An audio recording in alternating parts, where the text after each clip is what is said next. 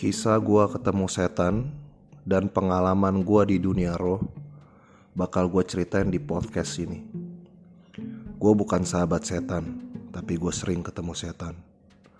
Gue juga bukan indigo, karena gue gak mau dibego-begoin sama setan. Gue cuma mau ceritain betapa takutnya gue dulu yang tiap hari lihat setan. Berharap lo gak jadi takut, karena lo bukan setan.